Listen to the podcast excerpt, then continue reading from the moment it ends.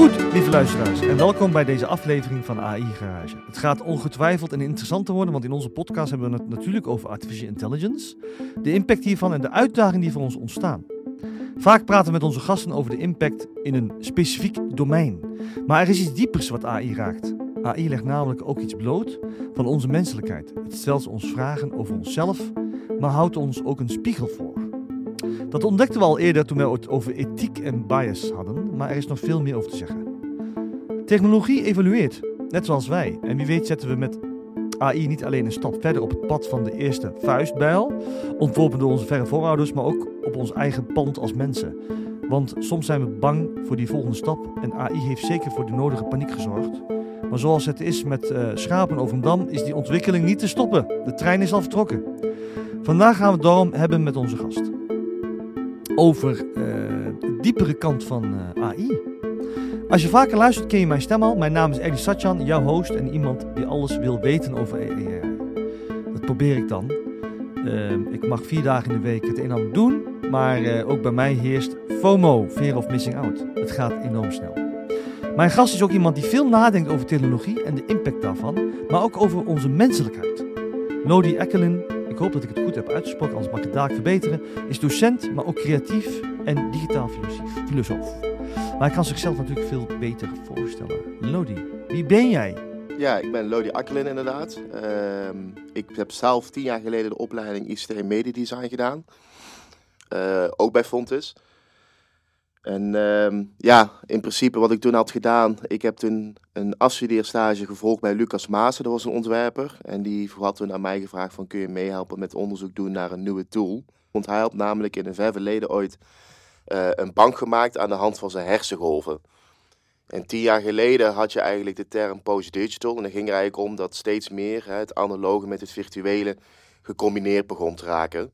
En je kon toen in die tijd ook voor een paar honderd euro kon je een hersensensor kopen. Dus in principe kon in één, in één keer iedereen eigenlijk een hersengolfbank maken. Wat ervoor zorgde dat het ontwerpproces in één keer eigenlijk gedemocratiseerd werd. Dus in iedereen, zeg maar, die iets van hersenactiviteit had, kon een bank uh, creëren met zijn of haar hersengolven. En uh, Lucas was daar eigenlijk heel erg geïnteresseerd, want hij wilde eigenlijk weten, oké, maar wat betekent het dan voor de rol van de ontwerper? Normaal ben je bezig met het eindproduct, maar nu in één keer was je eigenlijk meer met het maken van een bepaalde tool. En in die tool, hè, met die tool kunnen dan producten ontstaan. Ik heb hier toen onderzoek naar gedaan en toen merkte ik al heel gauw tijdens het onderzoek dat ik veel meer richting een soort filosofische, ja, sociaal-culturele kant uh, aan het kijken was. Um, in plaats van heel erg naar de techniek. En uiteindelijk, ja, ik, als je ooit een keer wil, dan kan ik de scriptie doorsturen. Maar daar heb ik eigenlijk heel erg gekeken naar, oké, okay, zo'n omgeving eigenlijk die je als programmeur creëert, wat je nu bijvoorbeeld ook bij AI ziet, is eigenlijk heel erg hetzelfde als je bijvoorbeeld kijkt naar Plato en de formuleer. Dus je moet eigenlijk een heel sterk idee hebben. En in de formuleer van Plato gaat het erover dat er schaduwen ontstaan. En die schaduwen hebben elke keer een andere vorm. Die zijn heel erg vloeibaar. En het idee is altijd iets concreet. En dat zie je nu ook. Met techniek kun je dat ook doen. Je kunt een omgeving creëren, je eigen grot. Waarin je bijvoorbeeld een bank, of in dit geval van generative AI, hè, een aantal kaders zijn opgesteld.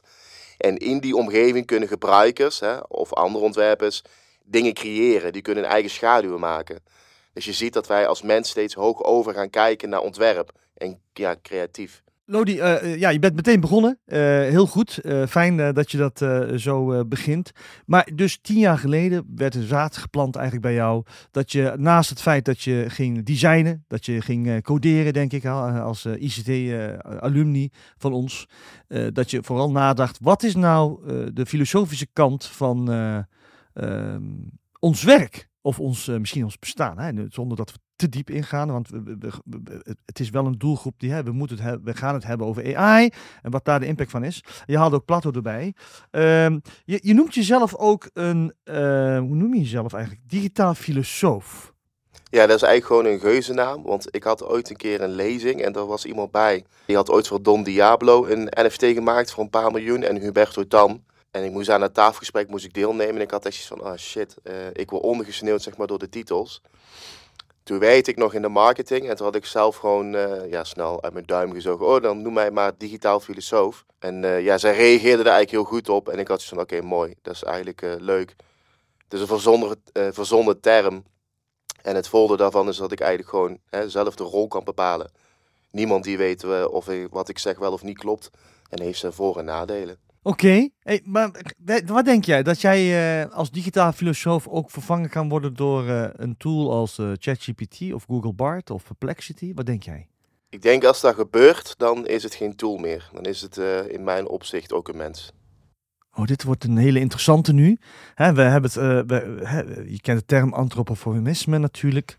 Kun jij wat meer vertellen over jouw denkwijze over AI en hoe we als mensen daarmee omgaan? Dus je weet hè, dat er mensen zijn die verliefd worden op een, uh, een, een, een, tool, een, bot of een, robot zelfs.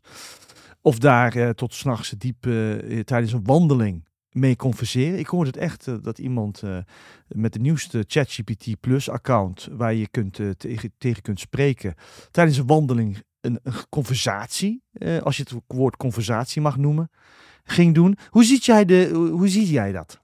Ja, ik vind dat, uh, laat ik zo zeggen, ik vind dat aan de ene kant een goede ontwikkeling, maar aan de andere kant is het vaak wel dat je het risico hebt dat je heel erg in een soort echo chamber raakt. En daar heb ik het laatst ook over gehad. Hè. In mijn optiek is het als creatief of als mens. Um, is het heel erg belangrijk dat je meerdere perspectieven opdoet. Dat zorgt er ook voor dat je op een hele andere manier naar de wereld om je heen gaat kijken. Wat je nu vaak ziet is dat AI heel erg, ja, denk vooral met zijn ChatGPT, als jij dat gaat voelen, dat je echt een soort echo chamber gaat krijgen. En je wil eigenlijk meer een soort discussie krijgen. Ik denk dat AI tot nu toe te strak geregisseerd is ik zou het leuk vinden als je een keer tegen ChatGPT zou kunnen vragen van... Hey, wat is het antwoord hierop? En dat hij zou zeggen van, ja, daar heb ik even geen zin in. Of, nee, uh, daar ga ik niet antwoorden. Ja, dat is heel mooi. Want iemand zei tegen mij, dat was een collega trouwens van ons, Pieter Wels. Die ken je ook wel. Van, uh, uh, die zei, wij als mens kunnen nee zeggen. En zo'n AI-tool, die geeft altijd antwoord. Die moet altijd antwoord geven. Dus je zegt ook, misschien, ben jij dan meer een voorstander van uh, een, een, open source uh, chatbot die niet preuts is, die dus ook racistisch kan zijn misschien, of die dus helemaal geen restricties heeft. Ben jij daar, ja het woord voorstander misschien is niet goed, maar is dat beter dan voor ons als mensen? Nou, ik denk dat je het hebt, als je het bijvoorbeeld hebt over termen van racisme en dergelijke, en uh, gendergelijkheid en weet ik veel nog meer. Dat zijn termen die worden gedefinieerd juist door discussie. Hè. Daar moet je een vrije omgeving voor hebben. Als jij, zou maar zeggen, het gesprek al heel erg de kaders te strak houdt, dan, dan is het heel erg moeilijk om naderhand die kaders te herdefiniëren. Als je bijvoorbeeld kijkt naar hoe wij de afgelopen, hè, ja, niet decennia, maar honderden jaren, weet ik voor hoe lang, hebben uh, gekeken naar hoe wij elkaar definiëren. Dat kan alleen maar als er een, een, manier van vrije discussie mogelijk is. En ik denk ook dat dat, ja, kijk, ik zelf zit bijvoorbeeld uh, ook vaak op online omgeving waarin mensen on, uh, anoniem zijn.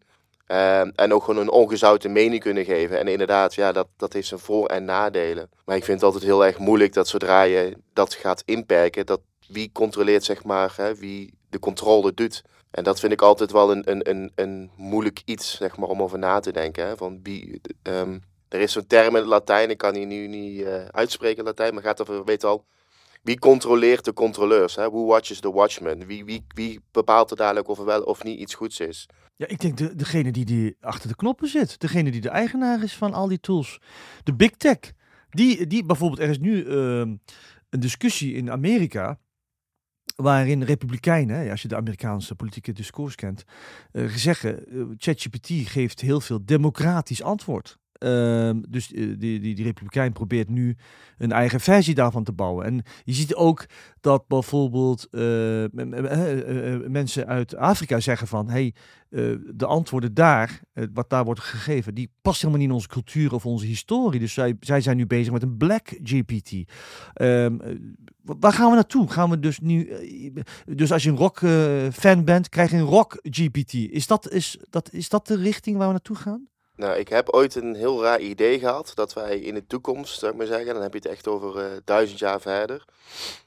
Dan hebben we allemaal onze eigen bubbel. Dat is gewoon een gesimuleerde werkelijkheid. En in die werkelijkheid uh, leeft iedereen in een soort persoonlijke hemel.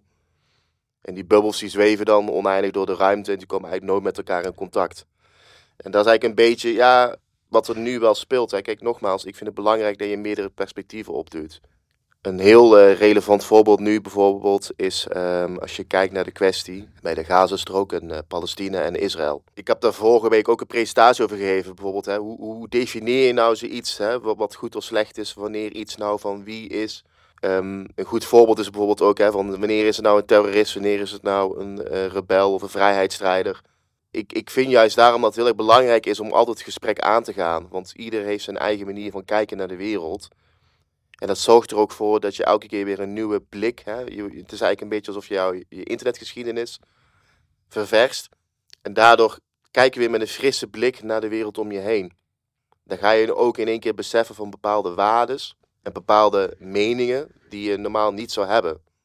En dat zorgt er gewoon wel voor dat het in één keer een stuk rijkere wereld wordt best wel ingewikkeld en zwaar onderwerp wat je nu uh, aanhaalt. Um, maar geloof jij dat, laten we zeggen, hè, duizend jaar vind ik heel ver. Uh, ik denk dat we al in een bubbel leven, dat weet je ook, dat zeg je ook al. Nu al, en misschien al een tijdje al, vanwege social media. als je dus een bepaalde soort krant leest, dan volg je ook uh, een bepaalde soort mensen die daarin schrijven. En ik heb dat zelf ook soms uh, gedaan.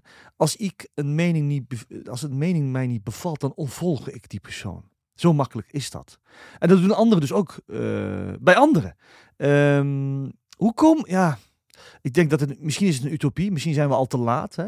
Kijk, als je kijkt naar de discussie omtrent smartphones, als je kijkt naar de discussie omtrent social media gebruik en verslaving, daar hebben we het niet eens nu over, maar ook nu over de discussie van generatieve AI en wat voor impact het heeft op onze manier van denken en uh, uh, bias en ethiek, et cetera.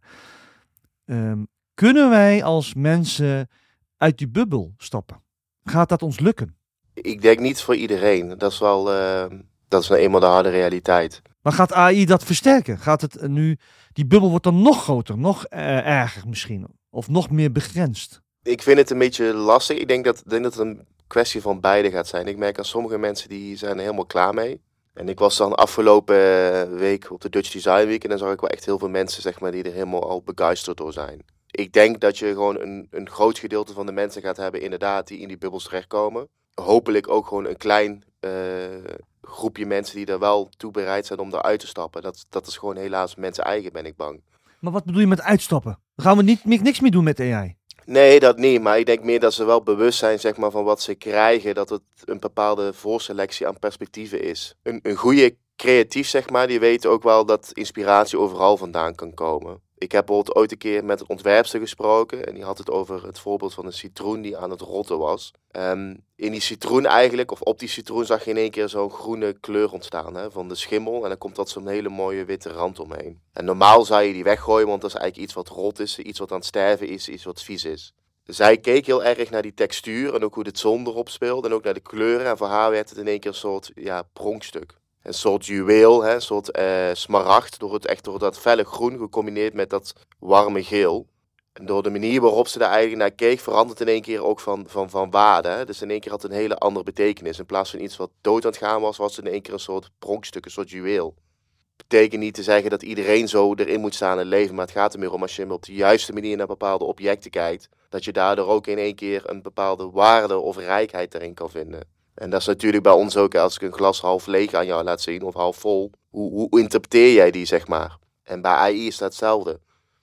Ik had bij AI toen een keer gewoon een prompt ingeschreven, een glas half vol en een glas half leeg. En je ziet dan meteen dat de uitkomst bij half vol, die is heel kleurrijk en heel blij en heel vrolijk. En bij een glas half leeg is het echt heel donker en somber en zwart-wit.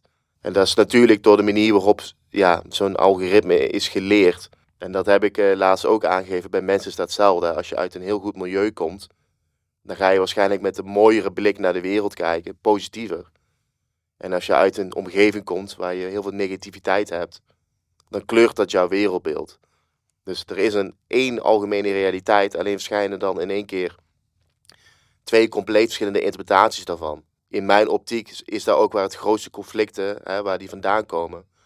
Want ik kan jou gaan vragen van oké, wanneer vind jij iets leven? Hè? Van is het al in de buik of is het pas al, is het al bij de conceptie? Hè, wanneer is iets uh, Oekraïne of wanneer is iets Rusland? Wanneer is iets een man of een vrouw of ertussenin? En dat is elke keer hè, waar het probleem knelt, zeg maar. Hoe definiëren we dingen? Ja, super diep, heel interessant, um, Lodi. En ik vraag me af, ben jij iemand die dan hier eh, dagelijks mee bezig is met vraagstukken. Want filosoof, hè, eh, ik vind filosofie een prachtig. Is het een vakgebied? Het is eigenlijk een, een, een, een visie op het leven, denk ik. Eh, dat je vragen gaat stellen om ervoor te zorgen dat je erover nadenkt en dan misschien niet eens de oplossingen vindt, maar de juiste vragen stellen. Ehm, jij bent ook heel creatief, hè? dat hebben we ook net gezien. Als we het even concreet gaan houden, denk jij dat wij nog designers nodig hebben over tien jaar? Als eh, ik nu zelf bijvoorbeeld voor het ontwerpen van een logo of een eh, vectorplaatje of eh, een plaatje gebruik maak van allerlei AI eh, image creators die de laatste tijd echt, ja, in mijn ogen, ik ben geen designer, heel goed werk doen. Ja, ik denk het wel. En dan moet ik weer teruggrijpen naar de allegorie van Plato. Ehm, je hebt de mensen die vastgeketend zijn, zeg maar, aan de muur. En die zien alleen de schaduwen. En daarachter heb je iemand die de ideeën omhoog houdt. En vooral dat laatste, zeg maar, is waar ik denk dat designers steeds meer naartoe moeten gaan. Die moeten veel meer gaan zitten op een hoog over idee, op het concept. En ook kijken naar de implicaties daarvan. Dus er wordt veel meer gevraagd voor jou als designer om veel meer na te denken, veel meer bewust te zijn. En dat is hopelijk ook iets wat ik hier de studenten mee kan geven. Ja, om hierbij te blijven, hè. Eh, AI dwingt ons om onze eigen menselijkheid te verdiepen, heb jij ooit eh, gezegd. Kan je dat uitleggen? Ja, ik, ik, ik zie niet zozeer AI, maar gewoon techniek als een soort lachspiegel. En wat ik daarmee bedoel is dat het een reflectie van de werkelijkheid is. Maar dan wel een hele, eh, ja, hoe zeg je dat? Een beetje een, een vervormde variant ervan. Dus sommige dingen worden heel erg uitvergroot, sommige dingen worden een beetje verkleind. Ehm, het feit dat er mensen zijn die met AI spreken en daar verliefd op raken, dat is voor mij niet zozeer een, een bewijs dat AI heel intelligent is. Het is vooral voor mij een bewijs dat mensen eigenlijk heel erg op zoek zijn naar connectie. Dat we heel veel eenzaamheid hebben bijvoorbeeld. En ik vind dat heel grappig, want mensen vonden het heel raar dat mensen verliefd raken op een AI. En tegelijkertijd, als je bijvoorbeeld kijkt naar Twitch-streamers, TikTok-influencers op Instagram of eh, OnlyFans, daar heb je ook gewoon een hele grote groep mensen, en dat zijn vooral mannen, die daar ook helemaal op losgaan. Terwijl de kans op eh, een relatie daar eigenlijk volgens mij net zo hoog is als met AI. Eh, dat in principe is dat ook een, fictieve relatie, ze zullen nooit die persoon ontmoeten. Maar het gaat er gewoon vooral om dat mensen gewoon heel erg eenzaam zijn en gewoon vooral op zoek zijn naar connectie. En techniek, hè, net als die lachspiegel, die vergroot dat heel erg. En die laat ons daar wel een reflectie van zien, maar dan wel op een soort, ja, net wat andere manier. Eenzaamheid. Ja, je kunt AI inzetten om dat tegen te gaan. Hè? We hebben heel veel studenten die eh, wat introverter zijn en die dus eh, eh, soms geen vragen kunnen stellen. Maar die hebben dus nu, dankzij AI, of het nou Snapchat My AI is of een andere tool, een maatje die ze 24 uur, 7 dagen in de week kunnen bereiken. Dat is in mijn ogen best wel positief. ehm, totdat het misschien extremer gaat worden en dat ze dan niet meer naar buiten gaan om mensen te ontmoeten. Eh, is, zie jij dat ook zo? Ja, het, dat is dus weer een beetje waar ik net ook al zei en eh, waar jij het ook al over had. is het probleem dat je dan een heel eenzijdig eh, beeld krijgt. Hè? Je bent een beetje een narcissus. Je, je kijkt in de spiegel en je krijgt alleen maar te horen wat je wil horen. Je bedoelt AI, ja, ik weet dat AI een pleaser is. Hè? Die probeert eh, iedere keer excuses te aan te bieden en, en, en, en, echt aan de hand van jou, jou te pleasen eigenlijk. Ik weet niet of dat gaat veranderen later eh, in, in het twitchen ervan. Ehm, dat bedoel je, denk ik, toch? Nou, ehm, ik ben bijvoorbeeld nu al acht jaar samen met mijn vriendin. En we hebben natuurlijk, hè, net zoals elke gezonde relatie, heb je af en toe gewoon dat je van mening verschilt. Alleen wat ik dan bijvoorbeeld heb geleerd, en als ik dan bijvoorbeeld kijk naar mijn vriendin. Ja, ik ben zelf bijvoorbeeld best wel direct, soms iets te direct. En zij is veel tactischer erin. En door die conflicten, zeg maar, die je dan af en toe met elkaar hebt, ga je wel hè, elkaar beter begrijpen. Dat is ook de reden waarom je zo lang bij elkaar bent. Je gaat ook dan ook toch jezelf een beetje vormen aan de ander en de ander ook aan jou. En dat is juist het mooie, vind ik, aan de menselijke relatie. Hè? Dat je daardoor ook weer wordt verrijkt. Anders blijf je de hele tijd gevangen zitten in je eigen hoofd. En dat is ook gewoon het grootste struikelblok wat wij als mensen hebben. Hè? Je hebt een hele mooie speech van de Amerikaanse schrijver David Foster Wallace. En die benoemt dat ook. En als je eigenlijk kijkt naar een eh, videogame, hij zit heel erg gevangen in die first-person perspective. Hè? Alle dingen die we zien, die gebeuren voor of achter ons, links of rechts van ons. Of, hè? we zien de wereld alleen maar vanuit ons eigen perspectief. En dat zorgt er ook voor dat wij heel erg egoïstisch zijn. Hè? Heel erg narcistisch. Als er iets gebeurt, dan gebeurt het bij ons. En ik heb daar zelf ook last van. Iedereen heeft hè. Als jij een keer wordt ingehaald door iemand die te hard rijdt, dan zeg je van, oh wat een maniak, je rijdt veel, veel snel. En dan rij je een keer achter iemand die eigenlijk hè, net zo hard als jij rijdt, zegt, oh kom op, schiet eens op. Dus alles gebeurt om, om, om jou heen. Uh, en dat zorgt er ook voor dat, dat ja, nogmaals, hè, dan krijg je een heel gefrustreerd leven als je het zo leeft. En daarom is het juist fijn, hè, uh, of het nou relaties is, of gewoon mensen op straat, of een podcast, of whatever, bij de bar. Is het juist heel goed om af en toe ook even die, dat perspectief even te challengen. En ja, dat klopt, dat is heel moeilijk. Dat is ook heel pijnlijk af en toe, maar dat, dat, dat zorgt er wel voor dat je als mens groeit. Dat je bewust wordt, ik, ik ben niet hè, uh, het epicentrum van de wereld of de kosmos. Er zijn nog veel meer dingen om me heen. En ja, nogmaals, ik denk dat AI daar een hele goede rol kan spelen, maar alleen moet je hem dan omdraaien misschien. Hè? Een AI die niet alleen maar heet het zegt van, oh is goed, en ja oké, en zo maar af en toe ook zegt van, eh, kom op hè, doe eens normaal. Of eh, heb, uh, even, daar heb ik even geen zin in, weet je al. En eh, ik denk dat dat wel heel erg kan helpen. Ik denk dat AI een hele goede uh, vertaalbrug kan zijn om andere mensen hopelijk ook mee te kunnen nemen in het feit dat er veel meer interpretaties mogelijk zijn van de wereld en hè, moraliteit, et cetera. We blijven daar een beetje bij. Hè? Je hebt op LinkedIn uh, volgens mij ook iets geschreven over het opzettelijk fouten in je werk maken om de menselijkheid te laten zien. Waarom is dat nuttig? Ik, ik merk, en dat is misschien nu ook hè, omdat we in een redelijk uh, digitale cultuur leven, dat mensen heel erg bang zijn om met elkaar te praten, omdat ze bang zijn om iets, iets fouts te doen. Hè? Fout te doen is pijnlijk. Maar ja, het is een cliché, hè? fouten doen hoort er nu eenmaal bij, hè? daar groei je van. Um, ik heb toen ooit een keer een ontwerper gesproken, die vond ik heel grappig. Die had toen allemaal van die objecten gemaakt en die had hij uh, laten lasercutten. En ik dacht, hè, ik keek ernaar, en is, je weet dat het door een machine is gemaakt, maar hij zei, ik doe in mijn ontwerp opzettelijk alvast wat foutjes aanbrengen. Dan oogt het nog steeds alsof het door mensen is gemaakt. Hè? En dat zie je ook terug in de tapijtkunst. Vooral bij Persische tapijten is dat ook, zit altijd één foutje in. Want hè, er is maar één iets wat perfect is, hè, en dat is natuurlijk uh, God dat vind ik ook wel leuke gedachten. Van, dat is ook juist wat ons onderscheidt van de machines, dat wij juist niet perfect zijn. En daarin schuilt ook juist een hoop uh, pracht en praal. Hè? Dat we af en toe dingen kunnen doen waarvan je denkt van oeh, kijk naar een Picasso. Hè? Als je kijkt hoe hij tekent of een Margot Rothko. Dat zijn allemaal dingen die niet een perfecte uh, weergave van de, van de realiteit zijn. Maar daardoor wel in één keer jou weer te dwingen om op een hele andere manier te gaan kijken ja, het, het komt elke keer weer terug op perspectief. Hoe, hoe flauw en cliché het ook is. Maar ik geloof er echt heilig in. Als jij speculeert over de toekomst, hè? Hoe ziet dat dan eruit als we de juiste stappen volgen? Is dat een uh, utopie of is dat een dystopie? Of kunnen ze allebei? Ik denk allebei. Alleen, hoe weet je wanneer je de, eh, de juiste stappen hebt? Dat vind ik heel uh, moeilijk. Um, ik heb zelf heel lang in de marketing gewerkt. Dus uh, ja, ik, ik heb een redelijk negatief beeld over de toekomst. Ook als ik kijk hoe, hoe verslavend het is, zeg maar. Je hebt een heel mooi boek, heet Amusing Ourselves to Death. En dat gaat ook over het contrast tussen 1984 en A Brave New World. En daar gaat het eigenlijk ook over, hè. ik vind A Brave New World een, een beter boek, omdat het daar gaat het heel erg over dat wat de dingen waar we van houden, die zullen uiteindelijk de dingen zijn die ons kapot zullen maken. Het zou niet zo zwartgallig zijn dat er overal spionnenkamers en weet ik veel wat zitten. Maar meer, hè, we worden zo overladen dadelijk met nieuws en media en weet ik veel nog meer, dat het ons allemaal geen reet meer zal interesseren. En eh, dat zie ik nu al terug. Hè. Ik uh, heb daarom ook al mijn social media van mijn telefoon verwijderd. Maar hè, het doomscrollen, je zit echt gevangen in de lus en je blijft maar scrollen. En je zit weer heel erg gevangen in je eigen echo chamber. Ja, ik, ik denk gewoon dat het gros van de mensen daar uh, toch in gevangen zullen blijven zitten. Dat, dat is gewoon eenmaal de realiteit. Um, ik ben na de afgelopen Dutch Design Week, hè, ben ik toch alweer met mijn neus tegen de feiten aangelopen om, om dat te zien. Je had heel veel werk wat allemaal door verschillende studenten was gemaakt. Echt door mensen, mensen. En dan wat één jongen had uh, met Midjourney gewoon uh, wat beelden gegenereerd en geanimeerd. En iedereen keek daar naartoe. En dat beeld was ook het campagnebeeld van, van de, de tentoonstelling, van de expositie. En toen van, ja, zo simpel is het. Hè. We zijn toch maar gewoon apen. En het is een beetje het uh, kampvuureffect.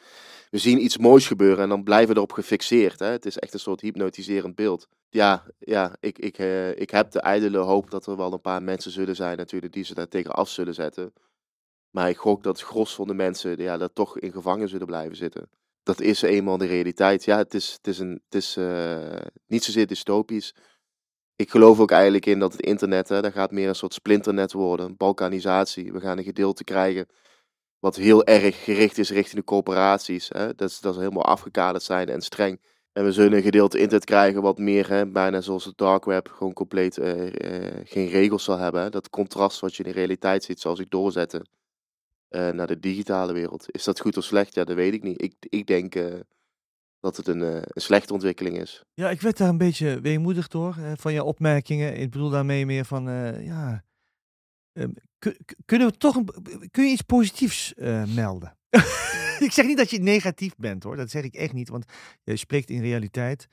En uh, een beeld die uh, nu al zichtbaar is. Hè. Er zijn ook jongeren die bijvoorbeeld, of jongeren, mensen die gewoon geen nieuws meer volgen. Gewoon helemaal niet meer, omdat ze uh, daardoor depressief worden. En jij hebt aangegeven, ik heb al mijn social media eruit gehaald je hebt ook heel veel mensen die, ik heb het zelf ook geprobeerd, te, detoxen. Hè? Dat je een paar maanden dat niet doet en uiteindelijk toch wel doet, omdat je voor werk iets moet doen. Of weet ik veel, omdat je het leuk vindt of omdat je gewoon aandacht wil.